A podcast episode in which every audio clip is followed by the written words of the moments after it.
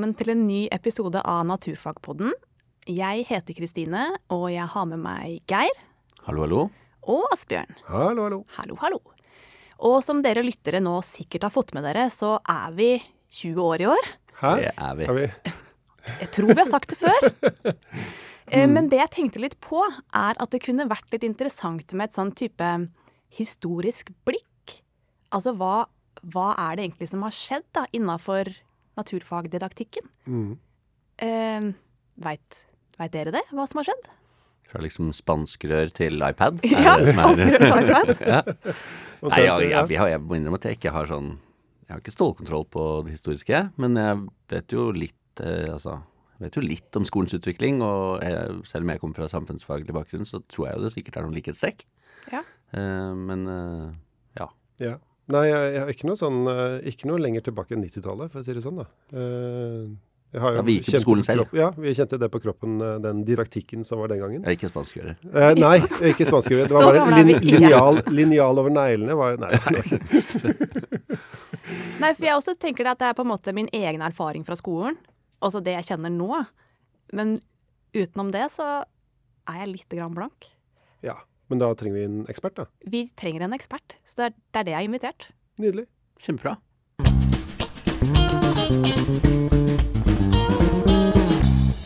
Da har vi fått eh, gjesten vår inn i studio. Hjertelig velkommen til deg, Anders Isnes. Takk. Du er fysiker, naturfagdidaktiker, og ikke minst så er du jo den aller første lederen av Naturfagsenteret. Og du var rett og slett med å starte opp i 2003. Grunnleggeren. Grunnleggeren, ja, grunnleggeren kan vi si, rett og slett. Stemmer det. Ja. Og det betyr jo at du har jo på en måte vært med i gamet en stund. Og da tenkte vi det var lurt å få inn deg for å eh, få hjelp til å få litt sånn historisk blikk eh, på hva er det egentlig som liksom har skjedd da i disse siste 20 årene, eller enda lenger tilbake om du vil, innafor dette med naturfagdidaktikk og naturfagsundervisning. Så hva, hva, hva har skjedd? Ja, hva har skjedd? Det, det, det har skjedd utrolig mye. Uh, og jeg liker å gå ganske langt tilbake for å belyse nemlig at det som skjer med utvikling av fagdidaktikk, det har noe også med hvilken kontekst vi er i i skolen. Ja. og hva som mange ser er et behov for. Og øh, vi kan jo si at øh, det som har preget norsk naturfagundervisning på mange måter, helt fra faktisk 1920-tallet, det er John Dewey som sa 'learning by doing'. Ja. Og det preger jo norsk skole fortsatt, eh, dette med å ha aktivitet. Men det som veldig ofte ble glemt i de første åra, i hvert fall på 70-tallet, når jeg begynte å jobbe med dette feltet, det var an reflection. Learning by Ja. doing and reflection. Og det var uh, Deweys egentlige tanke. Og det som starta med det fagdidaktiske miljøet i Norge, var jo på skolelaben i fysikk, egentlig. Og der lagde vi noe som het gjøringer. Hvorfor? Og det preger altså akkurat det jeg sier nå. Det handler om å se at dette blir et resultat av det som man så var en mangel i skolen. Fordi når vi skulle gjøre forsøk i norsk skole, la oss si på 60- og 70-tallet, så var det å lage rapport, skrive rapport til hvert forsøk og få den godkjent. Og det skulle være riktig funn som ble gjort. ja. Dette husker jeg fra 90-tallet òg. Altså. Og det er nok riktig, Asbjørn, at Ja. dette har prega norsk skole veldig mye. Men derfor var det at vi som jobbet da med fysikkundervisning, kalte vi det da, for det didaktikkbegrepet fagdidaktikk var ikke kommet, Nei. faktisk. Det var å lage gjøringer. Og slagordet der var 'gjøringer skal gjøres og ikke føres'. Ja. For å unngå akkurat dette her som blei en tvangstrøye så fort du gjorde et forsøk, så måtte du skrive rapport, og det var drepen for elevene. Nettopp. Men det vi glemte, det var an reflection. Ja, for jeg har jo hørt dette um, hands on, altså not minds on. Det er et godt begrep. Minds On er helt nødvendig. og det, eh, For å ta de store linjene fram til i dag, så er det jo at nettopp Minds On er blitt så til de grader understreket i utviklingen av det fagdidaktiske. Det er ikke det at uh, si, gjøringer eller det å gjøre forsøk uh, ikke skal være der. Selvfølgelig skal det være der. For den elevaktive skolen ønsker vi. Og det kom jo veldig sterkt til uttrykk uh, skal vi si, når de begynte med fagdidaktisk forskning, 70-80-tallet. Mm. Roslyn Driver påsto at ga følgende setning, kan du si, til, til, det fagdidaktiske funnet hun gjorde. I do and I do and I understand even less. Mm. Og det, det, holder altså ikke bare å gjøre og gjøre Nei. og skape aktivitet. Hvis ikke du har refleksjon, at du stopper opp, samler tankene, summerer opp, altså jobber grundig med det, de forsøkene du skal gjøre. Det er greit å ha det gøy. Og av og til så Absolutt, skal også det må man jo. Ja, ikke sant? Av og til så skal jo forsøkene være slik at det skaper entusiasme og glede og Smell. ting Smell, ikke minst. Så det er noe med å finne den balansen. Ja. Og så fikk vi da konstruktivismen som kom inn på 80-tallet. Som preget det fagdidaktiske veldig sterkt. Og vi hadde jo flere som tok fagdidaktiske hovedfag som skrev om det konstruktivistiske læringssynet. Mm. Nemlig, og det er jo på grunnlag av det Piaget også tok opp, nemlig at elevene skaper mentale bilder i hodet sitt. Og de må ha en begrepsutvikling. Og de må bygge opp dette selv. Det er ikke noe som kan overføres fra læreren, mm. men byggesteinene ligger i den enkelte elev. Mm. For å liksom få kunnskapen til å slå røtter, skikkelig røtter. Ja i det enkle, enkeltes hode. Og denne konstruktivismen har jo også fallgruber, da. Som alt har. Som, som fordi man drar det kanskje til det ytterste noen ganger. Og det ble blei jo en del kritikk mot eh, konstruktivisme. Blant annet så kom det som het sosialkonstruktivisme. Nemlig at læring også skjer, Det skjer ikke bare i et hode, Nei. men det skjer i et fellesskap. Ja, og mellom mellom elever og med lærer og ja. Hele miljøet. Ja. Så det er dette samspillet da, som ligger i dette nye med sosialkonstruktivisme. Men igjen så kom det jo uh, kritikk mot det, selvfølgelig. Og vi hører ikke så mye om konstruktivisme i dag. Selv om du kan godt plassere en del av de læringsteoriene man kan lese om, inn i den båsen. Den, Altså, de har elementer av alt dette fra før i seg, og det er jo noe som er det gode. Man høster erfaring, bygger på det som er godt, mm. og så utvikler man noe nytt fordi man ser skavankene, rett og mm. slett, i det som burde være. Ja, For man har ikke kasta Piaget og Vygotsky? Altså, det, det, det, ligger jo der som en Nei. sånn basis? Og ikke minst, nå ga du eh, stikkordet Asbjørn med Vygotsky også, som vektla det språklige.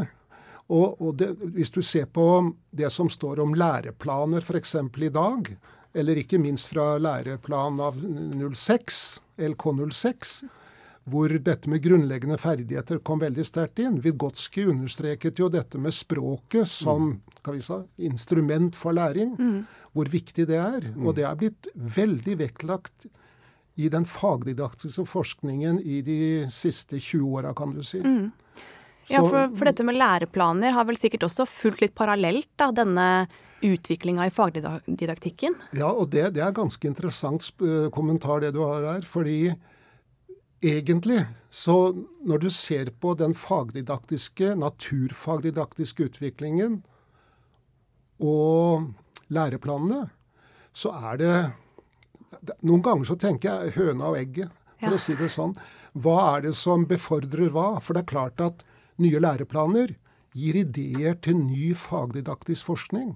Som mm. bringer det fagdidaktiske feltet framover. Ja. Mens det fagdidaktiske tenkningen, ikke bare nasjonalt, men internasjonalt, har jo preget også norske læreplaner. Ja. Mm. Så det er en sånn gjensidighet i, i, dette forholdet. Og ikke minst så ser vi det ved inntoget av Forskerspiren i 2006.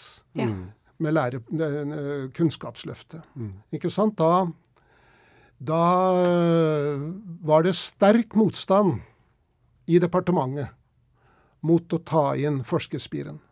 Ja. Og, ja, det er ganske overraskende. Og grunnen var at de læreplanene som ble utviklet i 2006, det var en reaksjon på læreplanen av 1997. ja. Og der hadde det herneske regimet laget læreplaner som styrte mye av metode, ikke bare innhold. Og da kommer Kristin Clemet som minister og sier at nei, nå skal læreren sittes i førersetet, og de skal få lov til å bestemme metode. Det skal være metodefrihet. Og så misforsto departementet og tenkte at forskerspiren Ja. er metode. Nettopp. Og vi sleit ganske mye, for jeg var jo med i det læreplanarbeidet, med å få overbevist departementet at de måtte godkjenne det. Og når vi da begynte med argumentasjon, ja, men forskerspiren er fagets egne metoder for å vinne kunnskap. Og ikke en sånn generell metodeforskrift til lærere. Da passerte det. Og det interessante er at når vi fikk en revisjon Dette er jo dynamiske læreplaner, ikke sant? Og vi fikk den første revisjonen i 2011. Så krevde departementet at samfunnsfag skulle få noe som lignet på forskerspiren. Ja. Ja. Og da kom det inn der. Så det er jo litt morsomt at naturfag har vært med og så noen frø ja, inn mot samfunnsfag. Stilig. Og hvis du tenker videre på den nye læreplanen nå, LK20, Ja. hva, hva tenker du på en måte preger den, eller hva har liksom utviklinga vært de liksom aller siste årene, da? Ja, for ikke sant, så oppdager man når det kom i 2006, da bare for å ta den, og det ble kalt 'nå skal vi lage læreplaner for evigheten'. Altså i betydningen at nå skal vi ikke få sånne store skifter igjen. Nå skal vi bare justere når det er behov. Ja. Og den første justeringen kom i 2011, og de ble kalt dynamiske læreplaner. Men det man da ser, er at her var det for liten vekt på progresjonstenkningen. Ja. Fordi kompetansemåla gjorde det slik at det ble stor tolknings, store tolkningsmuligheter. Og det var ikke så klart definert hvilke faglige begreper som lå til grunn for kompetansemålet, som det gjorde tidligere når det var i den 1997-modellen, og ikke minst i M87, hvor det var veldig presist hvilke faglige områder som skulle belyses i skolen. Og man fikk da behov for å presisere nærmere hvordan man skulle bygge opp progresjon og dybdelæring. Ja. De to tingene ble jo veldig sentrale i læreplanverket av eh, 19, nei, 2020. Ja. Så det, det som handler om fagdidaktikkens utvikling og læreplanutviklingen, det går på en måte hånd i hånd. Og det påvirkes av den forskningen man gjør innenfor det fagdidaktiske feltet, og internasjonale strømninger. Ja. Det er med på å så tanker i hodet på læreplantenkere. ja. Uh, og det de har eh, prøvd på i de senere årene, er jo at det er praktiserende lærere og fagdidaktikere, forskere innenfor fagdidaktikken, som er med på å skrive utkast til læreplaner. Nettopp for å få med seg disse strømningene og forskningsresultater inn i en læreplan. Men hva har da skjedd med den utviklinga? Altså, hva har skjedd da med reflecting-delen eh, nå? For Ja, de siste 20 åra? Det er også et godt spørsmål, Asbjørn, fordi noe av det som du kan si preger læreplanen enda sterkere enn i 2006, det er jo nettopp det elementet med kritisk tenkning. Når de har bytta navn på forskerspiren til eh, arbeidsmåter og ja. Naturvitenskapelige praksiser Praksiser, og arbeidsmåter. arbeidsmåter. Ja. naturfaglige praksiser, så er det med på å understreke nødvendigheten av nettopp dette med refleksjon, og ikke minst den kritiske holdningen. Og dette har igjen med samfunnsutviklingen å gjøre. Det er så mye fake news Ja. og fake saker der ute at elever gjennom naturfaget må også lære å skille kunnskap som er basert på naturvitenskap, eller forskning, og det som er eh, spekulasjoner og fake news, altså. Ja. Og det er tydelig preget i det er tydelig preget inn i læreplanen av LKNU 20. Ja. Men hvis du på en måte skulle eh, gi noen råd da, til lærere som står eh, i undervisninga i dag, hvis du på en måte skulle plukke ut tre ting som du tenker at det er ekstra viktig at de tenker på i sin egen undervisning. Ja. Det er kanskje er- vanskelig spørsmål, men eh, Nei, det er, det er et godt spørsmål. Det er vanskelig, men godt. ja. Fordi det er jo det alle spør seg om. ja, ikke sant? Hva ville du liksom trukket fram da som det, som det viktige når du står i klasserommet og skal undervise naturfag? Og igjen handler det om hvilken kontekst det er vi befinner oss i. Ja. Fordi timetallet er lavt i Norge i forhold til andre land. Læreplanen kan du holde på med faktisk hele dagen, hele uka Ja. i naturfag hvis du ville, pga. kompetanseformuleringer, og det er all verdens du kan trekke inn. Og da vil jeg gjerne bruke et, også et uttrykk fra Roslyn Driver fra 80-tallet 'less is more'. Ja. Her gjelder det å begrense seg, og ikke tenke at det er viktig at jeg må gjennom alt mulig av det jeg tror er viktig i denne sammenhengen, men gjøre det levelig for både seg selv og elever ved å tenke at less som undervises, gir more læring. Ja. Det er jo hele poenget. Det er det ene rådet. Men er det, bare for å Ja. bryte, er det fordi at uh, dybdelæring tar tid når du skal innom et Når du holder på altså Færre ting gjør at du har mer tid i det, og da har du større sjanse for å få til en form for dybdelæring. Og det er en veldig god kobling. Ja. Når less is more, så er det nettopp for å gi plass til dybdelæringa. For det er tidkrevende. Og skal man leve opp til det som LK20 sier på det området, så er det en kjensgjerning at læreplanen Kompetansemålene der er for omfattende. Det, det, det mener jeg i hvert fall. Og jeg snakker med lærere som eh, gir klart uttrykk for det. Vi, vi rekker jo ikke gjennom, vi må bare fare med en harelabb over. Og da sier jeg 'less is more'. Ikke sant? Bedre å ta et valg på hva man går inn i. Ja. Og det å gi seg god tid til refleksjon, det har med dybdelæring å gjøre. Det å gi seg god tid til refleksjon og oppsummering sammen med elevene er kjempeviktig. Ikke bare ha sagt det, Ja. men sørge for at læringen er der. Ja. Ikke bare overføre sin egen kunnskap inn i hodene Og den på elevene. sitter veldig hardt i fra den kulturen jeg vokste opp med når jeg gikk på skolen, og når jeg også ble utdannet lærer. Ja. Det var formidling. Ja. og kanskje ikke så mye vekt på læring. Og det er to vidt forskjellige ting. Og så vil jeg eh, oppfordre lærere til å delta i nettverk. Ja. Som handler om å kunne holde seg oppdatert om hva som skjer innenfor det fagdidaktiske feltet. Og ikke minst til å kunne hente inn ideer for egen undervisning. Eh, delta i nettverk og søke ideer og undervisningsopplegg som er halvfabrikata, for å si det sånn. For jeg mener ikke at du skal ta et opplegg og bare følge det punkt for punkt. Men det å ha en grunnmur eller noen skuldre å stå på, for man rekker ikke å planlegge alt så vikt, godt i detalj. Men halvfabrikata, hente de inn og gjøre det til sitt eget, det får du gjennom nettverk og det å søke informasjon på gode nettsteder som f.eks. naturfag.no. Ja, f.eks. naturfag.no.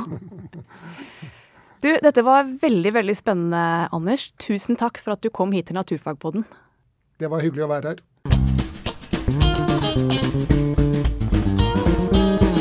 Åh, det er så gøy å prate med Anders. Det er det. Altså, han Det føles som han liksom bare alltid har vært der og fått med seg hele utviklinga. Men det har han jo også. Ja, det har han jo også.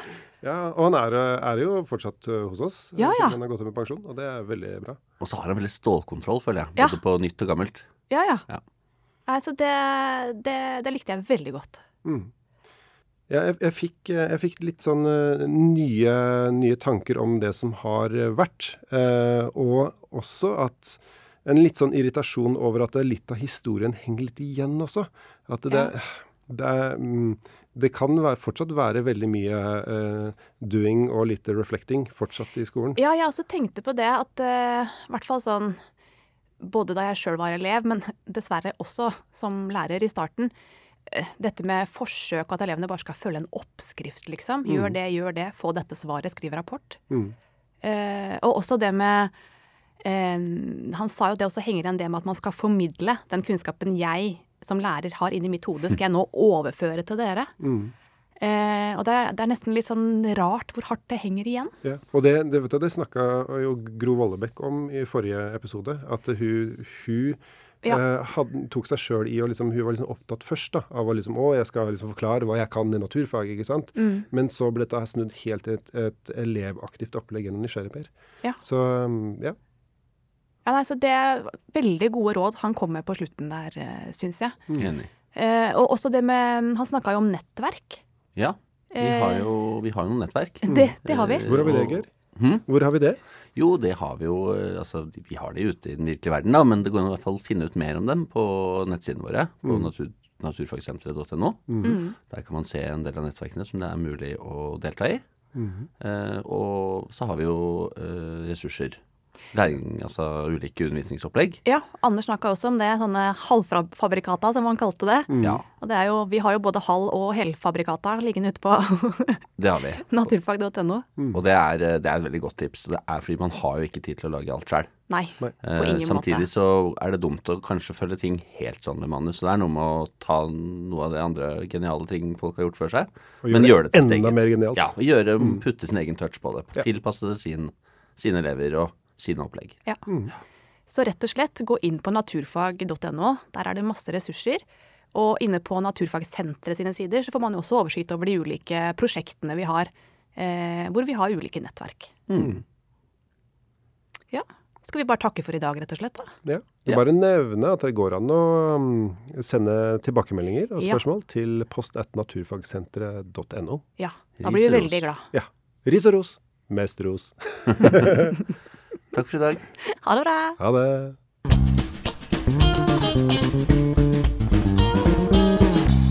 Du har nå hørt eh, Naturfagpodden. Ansvarlig redaktør er Merete Frøyland. Produsent Asbjørn Magnar Hov. Har du spørsmål eller tilbakemeldinger, send oss en e-post til post at naturfagsenteret.no.